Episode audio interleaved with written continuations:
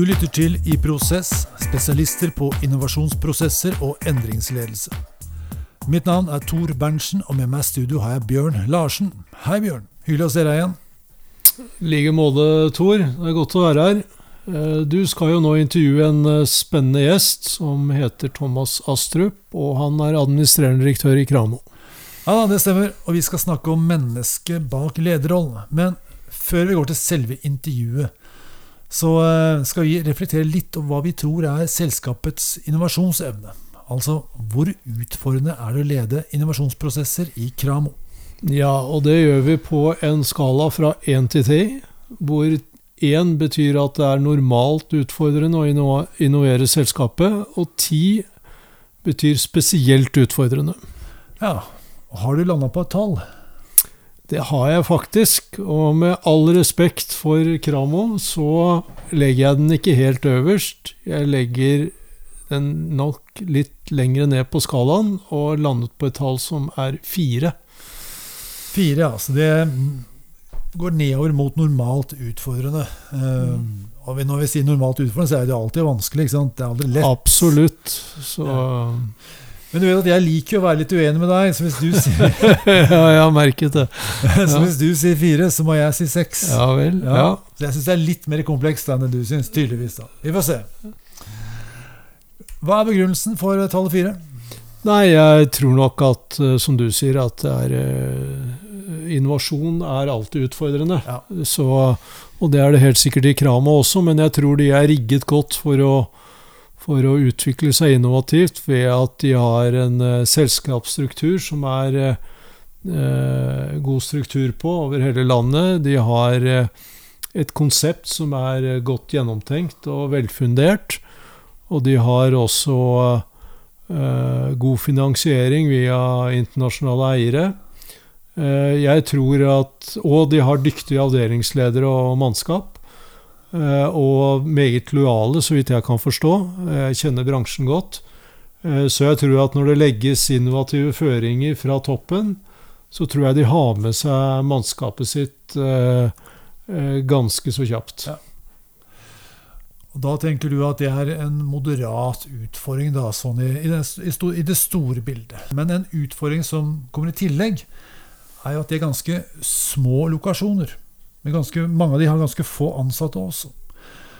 Og hvis du tenker at innovasjon ikke bare er top down, men også bottom up, mm. så vil en, en innovasjonsprosess nedenfra opp kunne være litt mer krevende. Vil jeg anta. Ja, det, og det følger jeg deg på, for avdelingene er som du sier, de fleste er ganske små, og de ligger spredt uh, på landsbasis, og da er det ikke rom for uh, de aller største avdelingene hvis det skal være på mange punkter. Ja. Og det er klart at uh, den virksomheten som da blir fokus på, det er det helt operative. Uh, og da har man ikke særlig overskuddsressurser for å drive kreativt arbeid. Man er veldig opptatt av, av hverdagen og å få levert ut og hentet utstyr osv. Så, videre. så det har du helt rett i. Så her må nok innovasjonsarbeidet i stor grad drives fra sentralt hold. Ja. Og igjen, da, jeg vil jo gjerne ha rett her, vet du. så kan man da si at ja, det, det må da sannsynligvis gjøres i for stor grad. da. Og så er det selvfølgelig en, en involveringsprosess, en forankringsprosess. Men selv om en innovasjonsprosess drives ovenfra og ned, og rammebetingelsene er omtrent sånn som du sier, så er det jo stor forskjell på de ulike lokasjonene. Det er veldig annerledes å drive skal si, utleievirksomhet i Bodø fremfor det er i Oslo. Så noen innovasjonsprosesser vil kanskje være ganske enkle som du sier, å, ta helt ut, fordi det er, ja, det er opplagt at det er nyttig for alle. Men hvis det ikke er opplagt at det er nyttig for alle, for det er forskjell på lokasjon og behovene der ute, så vil igjen kunne bli, kompleksiteten vil kunne øke noe. da. Så her vil det være litt variasjon, tenker jeg.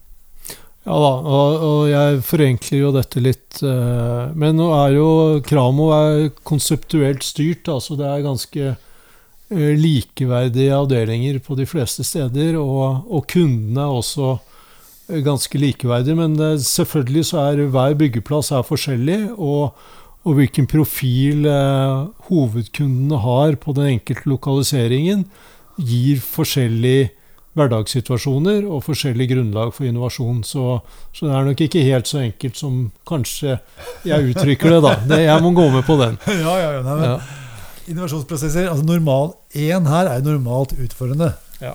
enkelt eksisterer ikke denne skalaen. Nei. Bare for det er sagt er helt tydelig. Men det blir veldig veldig spennende å møte Thomas Astrup, administrerende direktør i Kramo, og se hva slags profil han har. Absolutt.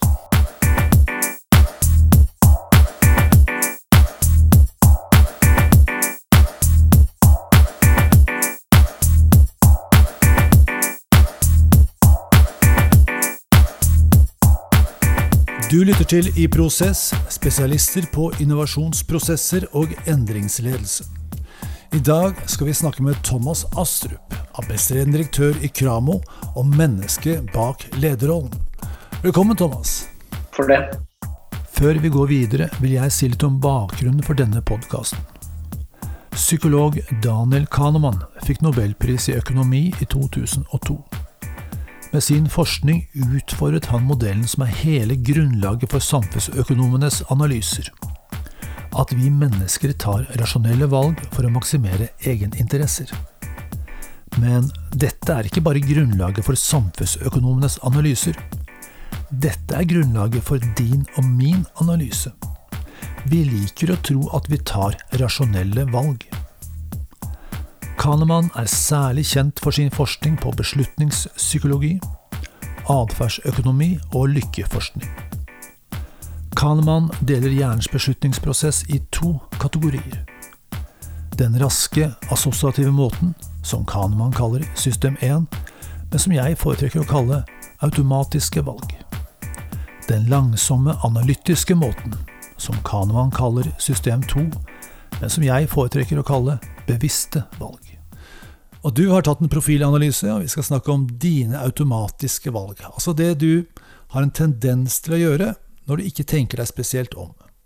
Og skal vi se litt på hvordan denne autopiloten preger ditt lederskap. Men først, kan ikke du si litt om Kramo og din rolle der? Kramo er et selskap hvor vi leverer infrastruktur. Så det vi leverer, det er alt du trenger for å fullføre et bygg av da utstyr, verktøy og materiell. Så mens andre da aktører vil kunne bringe inn byggevarene, og våre kunder, som da er entreprenører stort sett, bringer inn håndverkerne, så leverer vi da det siste elementet for å fullføre. Ja. Min rolle det er at jeg har gleden av å lede hele dette selskapet sammen med da rundt 230 dyktige kollegaer spredd rundt hele Norge. Kan du si litt om hva denne infrastrukturen er for noe sånn helt konkret, og litt om markedssituasjonen eller konkurransesituasjonen til Kramo i dag? Infrastrukturen vår det, det, da, det, det, går alt fra strømnett på en byggeplass. Det går hvordan du skal ha sikker og trygg adkomst inn til byggeplassen. Avgrensning rundt byggeplassen alt ifra da håndverktøy som enkle driller, opp til da store, tunge gravemaskiner og bygningsheiser osv. Så, så det er liksom infrastrukturen som vi leverer. Eh, ja, måten du skal fullføre et bygg på, men vi leverer måten du skal jobbe i bygget, og få det å jobbe med dette og forenkle da prosessen som kunden gjør da gjennom bruk av riktig verktøy. Ja. Uh, dagens situasjon som vi står i. Uh, vi har jo nå, vi er som i resten av Norge, på vei ut av en pandemi. Uh, og dagens situasjon er vel det at vi opplever en veldig positiv og fremovervendt organisasjon som er veldig bevisst, og har vært det nå egentlig gjennom de siste månedene rundt det at vi har tatt grep i egen situasjon. Vi har hatt fokus på ikke nødvendigvis tenke bare å fokusere på at når denne hersens-pandemien går over, men vi har tatt, hatt et bevisst forhold på hva er det vi kan styre og hva er det vi kan påvirke. Ja. Så vår situasjon nå er at jeg opplever at vi er bedre rustet nå enn noensinne på å ta og utnytte det potensialet og de mulighetene som ligger i egen organisasjon for å skape den fremtiden vi ønsker oss. Du verden. Da er jeg nysgjerrig. Hva slags fremtid er det du ønsker? altså, ikke gå for langt fram, nå. To-tre to, år eller noe sånt noe. To-tre år. Nei, det, det vi, vi, vi, har et par temaer som er gjennomgående hos oss i dag. For det første så legger vi et fundament hvor det viktigste vi gjør, er å skape en trygg og sikker arbeidsplass for våre ansatte. Så vårt første og aller viktigste mål er en sikker arbeidsplass hvor ansatte kommer trygt på jobb, det er en trygg arbeidsplass, og alle kommer hele hjem fra jobben. Det er det første og det viktigste vi gjør. Så jobber vi mye rundt bærekraft, og hos oss så er da dette med HMS og sikkerhet et viktig del av bærekraften og det å skape et bærekraftig kram. Det andre inn i denne bærekraften er å skape et bærekraftig samfunn eller selskap hvor alle mennesker kan være seg selv, og hvor vi har rom for at, å ta vare på disse ulikhetene som er i menneskene våre, og bruke de ulikhetene til noe positivt. Altså ivareta og skape produksjon gjennom økt mangfold. Det siste punktet det dreier seg om miljø. Vi i Kramo kommer til å lansere en, vår egen miljøambisjon nå om ikke mange månedene. Hvor vi tydelig viser hvilken rolle vi tar og hvilke ansvar som ligger på oss som bedrift. Vi kommer også der til å være tydelige på hvordan vi skal bidra inn mot å skape en mer bærekraftig og en grønnere byggebransje. Du verden. Det er nok å Det holder, dette her. det er nok å pusle ja, med. Ja det, det er, ja, det er det vi legger i fundamentet vårt. Ja. Men hvis vi også ser fremover, så, så ser vi det at rollen vi i Kramo skal ha, punkt én så er, de, er, det vi som skal være best på vårt håndverk, som er dette med utleie. Ja. Vi skal være best på det å sikre at våre kunder får det utstyret de trenger. Så det jobber vi med hver dag. Det andre vi også skal jobbe med som et fokus der, det er å sikre da at vi tar i bruk ny teknologi på en smart måte. Så vi holder på nå å bygge en egen liten lab på hovedkontoret vårt. Hvor vi egentlig tar med all den spennende teknologien vi selv jobber med, og åpne for at andre kan komme inn og vise fram sin teknologi, og se hvordan den kan spille inn sammen med vår, vår teknologi. Og med dette så ønsker vi da å ta teknologi, bruke det smart, sånn at vi øker kundenes egen produktivitet. Det er, det er store ambisjoner, men jeg opplever at vi har en veldig klar plan bak det. Ja. Så jeg er ikke egentlig så veldig redd på at vi ikke lykkes. Jeg skjønner, de er store, men de er realistiske. Ja, det er godt å høre, Thomas. Veldig, veldig bra. Du, eh, du har tatt eh, vår profilundersøkelse og fått en av 16 mulige profiler. Og nå er jeg litt nysgjerrig på hvordan dine preferanser eller styrker kan bidra til å skape denne fantastiske framtiden som du nå beskriver. Eh, men la meg starte med et utdrag da, fra profilbeskrivelsen, for å sjekke om du kjenner deg igjen. Din type er logiske, framoverskuende og besluttsomme mennesker. I sitt liv som i sitt arbeid har de en legning for å gripe nye muligheter, omsette dem i handlingsplaner og deretter organisere og aller helst lede gjennomføringen. Hva syns du om dette? Er dette en rimelig beskrivelse av eh, Thomas Astrup?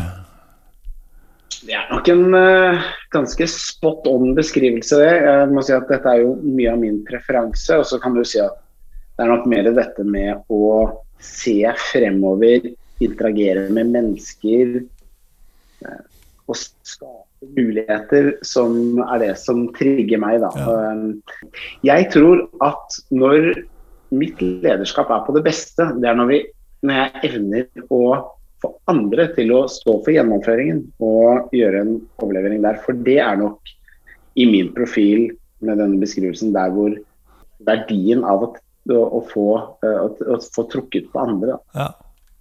ja. men La oss gå inn i detaljene i profilen din. Du har en ENTJ-profil, som vi skal gå litt eh, dypere inn i. Og øh, Hvis vi tar den første dimensjonen, da. Den går mellom E og I. Og E er ekstroversjon, og I er introversjon. Denne, dette er en energidimensjon som handler om hvor du henter energi fra, og fornyer den.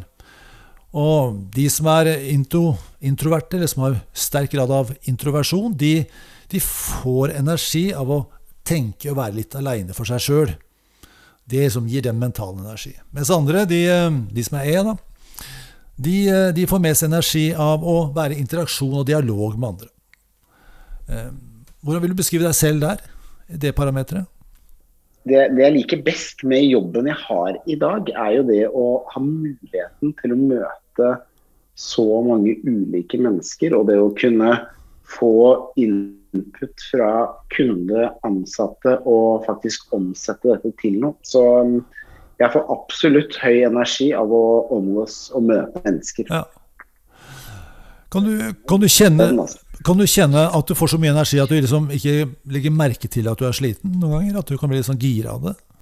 Det er nok ganske riktig. Eh, og du merker det ofte, eller jeg merker ofte da når dagen har kommet til sin ende, hvor du kjenner litt på den derre Oi, ja. der, da har denne dagen gått i ett. Og det, det, er vel litt av den utfordringen med min uh, profil, er jo det at dagen stort sett går i, i ett bånn gass ja. fra morgen til kveld. Ja, jeg skjønner.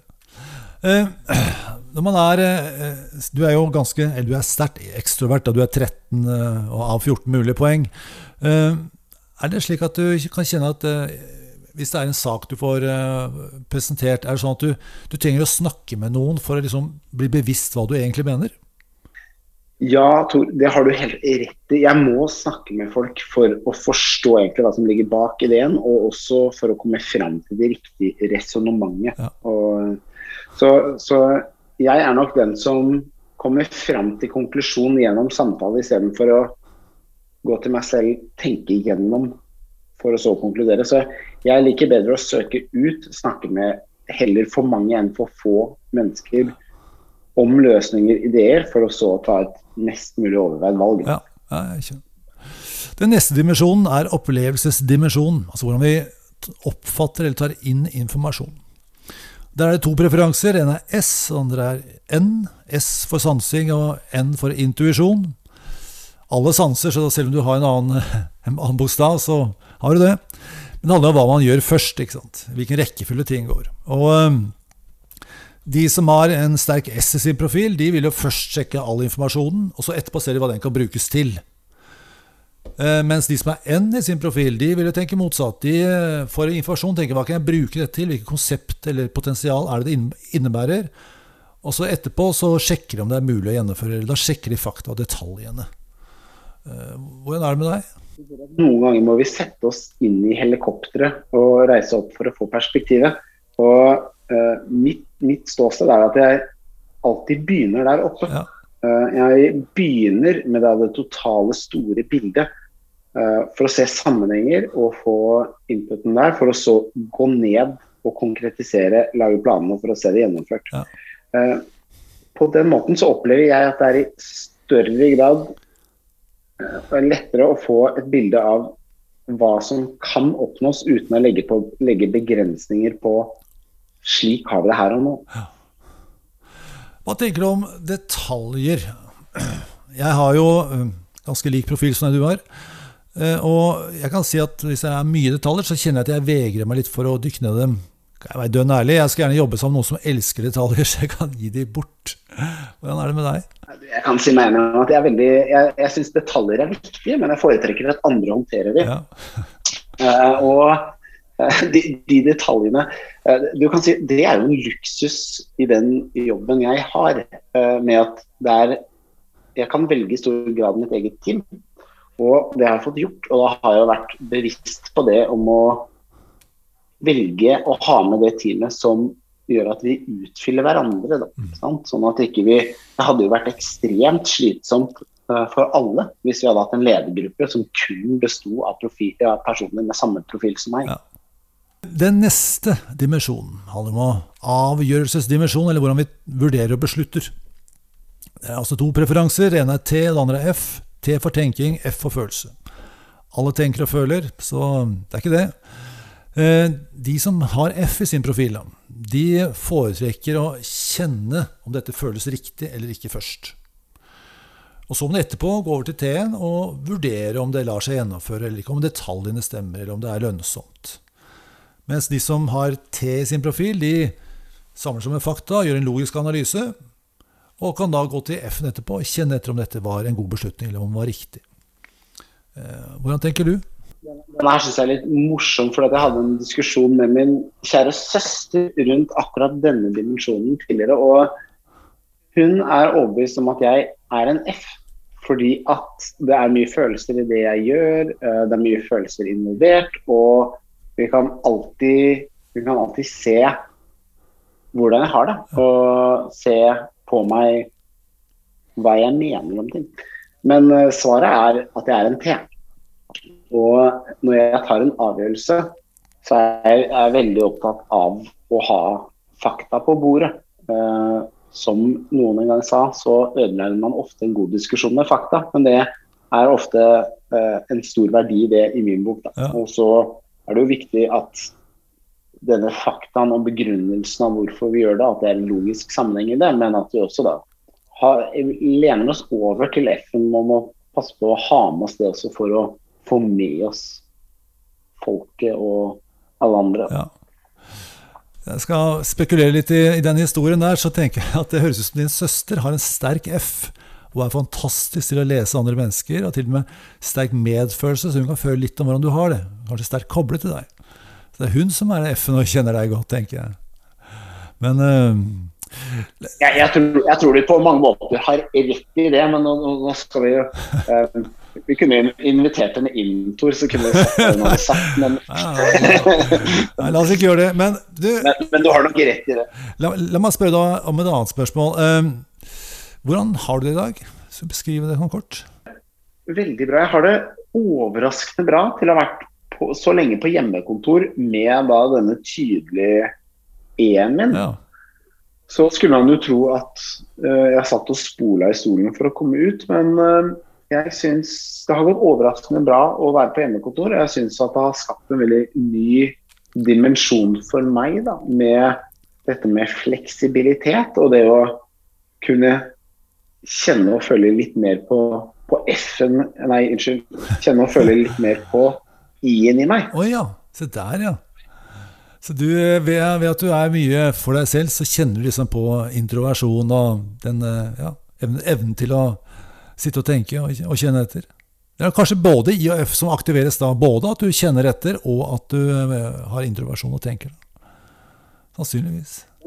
Uh, du, du, har nok, du, har nok, rett i det at det er både I-en og F-en som kommer inn der. Og, uh, nei, jeg, jeg, jeg syns det, det, med at du er alene i mye større grad på hjemmekontor, gjør at du lettere skaper de lommene, at de blir lettere skapt for meg, da, istedenfor å løpe fra møte til møte og fra dialog til dialog da, ja, i samme grad. Akkurat. Hender det at du tar si, emosjonelle beslutninger? Altså, la meg ta et eksempel. Jeg kjøpte meg bil for et par år siden. Og vanligvis når jeg gjør kjøp, så gjør jeg en veldig grundig analyse altså en T-analyse. Denne bilen var første gang jeg skulle kjøpe meg en kul bil, så da var det ren F-beslutning. Det var det som var rasjonale. Bilen er kul, jeg har råd til den, jeg kjøper den. Gjør du sånt, eller er det alltid den der logiske Hele min karriere har egentlig dreid seg om salg, og i disse dager skulle jeg også si at jeg er blitt kanskje desto bedre på å selge til meg selv. Uh, og da bruker jeg jo mye irrasjonelle beslutninger om at, uh, at jeg overbeviser meg selv hvorfor dette er så veldig smart. Så ja, jeg tar mye uh, den type avgjørelser. Jeg tar nok i mye større grad nå enn det jeg gjorde før. Ja. Um, disse irrasjonelle beslutningene. Og, og jeg merker vel også det at jeg i mye større grad er følelsesstyrt på en del rettferdighetsprinsipper. Og det, det er vel også kommet desto tydeligere frem etter at jeg fikk barn. Ja. Dette med å Hvis jeg opplever urett eller urimelighet, da kan jeg, jeg bli veldig følelsesstyrt av det. Da, på hvordan jeg agerer og hvilke beslutninger jeg tar. Ja. Jeg vil gjerne pirke litt borti dette med irrasjonalitet. For Eh, denne F-en kalles ofte emosjonell rasjonell. Og eh, du har fått litt livserfaring etter hvert, og da er det gjerne slik at man tenker at man blir litt mer runde i kanter med årene. Men det protesterer jeg på. Det er egentlig slik at man ekspanderer. Man håndterer både T-en og F-en mye, mye bedre. Eh, så jeg vil gjette på, nå får du sjekke om det stemmer, men du har alltid vært en T og kommer alltid til å være det. For hvis du kan velge, så foretrekker du det. Men du har blitt mer komfortabel med FN og fått mer kontakt med den og utviklet det området de siste årene, kanskje særlig i forbindelse med barn f.eks. Hva tenker du om den, det resonnementet? Kjøper du den? Det har helt rett. Jeg tror det at det, Dette er jo en preferanseprofil. Og jeg tror preferanseprofilen din vil være, vil være lik, men jeg tror som du sier at du lærer deg å bli litt med årene, da. Og i hvert fall hvis du bruker tid på å reflektere og tenke over egen påvirkningskraft og hvordan man selv er som person, at du i større grad klarer å bruke hele spekteret, for at du blir tryggere på hvem du er og hvor du står. Ja, ja. Så, ja, så det er egentlig eh, litt der jeg tror at jeg er. Jeg har en, en, god kamerat som har vært veldig på å utfordre meg på hva tenker du nå, mener du virkelig det du sier? Og så har jeg da endelig lært meg da til å ikke svare alltid bare med en gang, og heller ta det med meg og tenke over det og komme tilbake. Ja, Det høres ut som en eh, mann i utvikling. Du, Den siste dimensjonen er livsstilsdimensjonen. Altså hvor vi foretrekker å innrette oss i livet. Det er et ganske stort eh, perspektiv, så jeg foretrekker å gjøre det enklere. Altså, det handler mye om struktur versus fleksibilitet. Hvis jeg sier det litt enkelt. Altså at avgjørelse, som forkortes til J, eh, handler om å liksom lage planer, gjennomføre planer og liksom få ordning og rede. Mens opplevelse er mer eh, utforske muligheter, kanskje få litt variasjon. Eh, fleksibilitet, impulsivitet osv. P-ene har også planer, det er ikke det, men de er ikke detaljerte. For P-ene, Når J-en ser på fleksibilitet som en nederlag, så ser P-en på det som en styrke. Så J-en har detaljerte planer for å slippe fleksibilitet, mens P-en lager rause planer for å få fleksibilitet. Eh, du har ikke en veldig klar preferanse her, så hvordan fungerer du? Min første kollega, heter det vel fra da det profesjonelle arbeidsliv, Erlend, han lærte meg ganske tydelig at struktur, det var måten på å få effektivitet og få effektive hverdager. Og eh, jeg vil nok si at jeg heller imot struktur. Det å ha en plan og, og ha litt sånn ordning og reda på hva gjør vi først og hva gjør vi etterpå, um, den er nok ganske tydelig. Uh, og så er jeg nok dit hen at under, hvis det blir mye press eller at det blir stress, så blir jeg nok desto tydeligere på denne strukturen. Ja. På dette at da, da, plan, da, planlegger jeg mer, og jeg forventer også at andre planlegger mer. Og, ja. Så der, den blir nok forsterket. Avgjørelsesdimensjonen blir nok forsterket da, under, under press og, og stress. Ja. Hvordan er det med ferier og sånt? Er det slik at du planlegger ferien seks måneder i forveien og detaljplanlegger alt, eller er det mer en billett til Hawaii, og så får du se hva som skjer? Jeg kan godt bruke tid på å planlegge hvor vi skal dra, og finne ut av hva, hva vi skal dra, men den der detaljene rundt uh, eksakt hvordan planen skal være, hva vi skal gjøre når vi kommer dit, lete etter fly, finne riktig hotell den interessen er ganske sterkt fraværende. Så der, uh, da tenker jeg at da, der er det nok mer de impulsive opplevelsene. Ta det litt som det kommer. Ja. Det høres som en uh, god måte å ha en avslappende ferie på. Helt til slutt, vi lever jo ganske hektiske hverdager, mange av oss. Og så sier Kahneman at vi bør roe oss litt ned og ta, tenke sakte og ta bevisste valg. Hva gjør du for å prøve å slå av autopiloten innimellom? Har du noen strategi for det?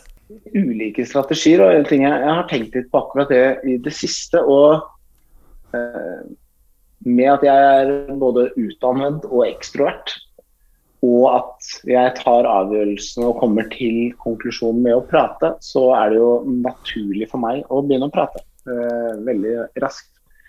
Og der har jo korona og alle disse Teams-møtene gitt en unik mulighet. Så jeg har i langt større grad nå vært blitt mye mer bevisst på å bruke mute-knappen på meg selv. Ja.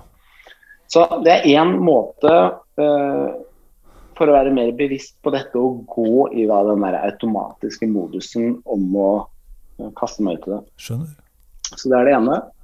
Uh, det andre er å bruke de, de, de, lommer som man har, eller som jeg har, da, når det gjelder å gå til barnehagen og hente. Så prøve å bruke den tiden da, på å nullstille litt, reflektere og tenke litt. Eller hvis jeg holder på med noe hjemme, da, og prøver å bruke den type settinger da, mm. for å gjøre noe litt annerledes. Ja.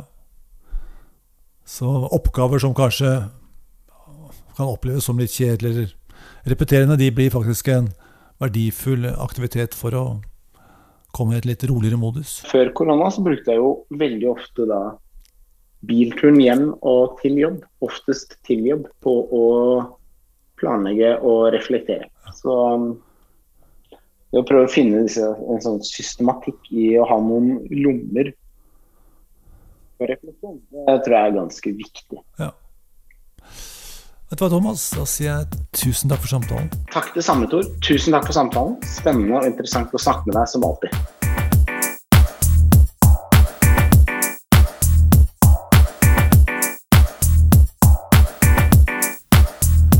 Er du i stand til å slå av autopiloten og jobbe fokusert med de viktigste oppgavene? Eller blir du fanget av hverdagens umettelige krav og tar automatiske valg? Og hvordan vet du hva som er forskjellen? Stikk innom i prosess.no og se hvordan vi kan hjelpe deg med å implementere strategien på rekordtid.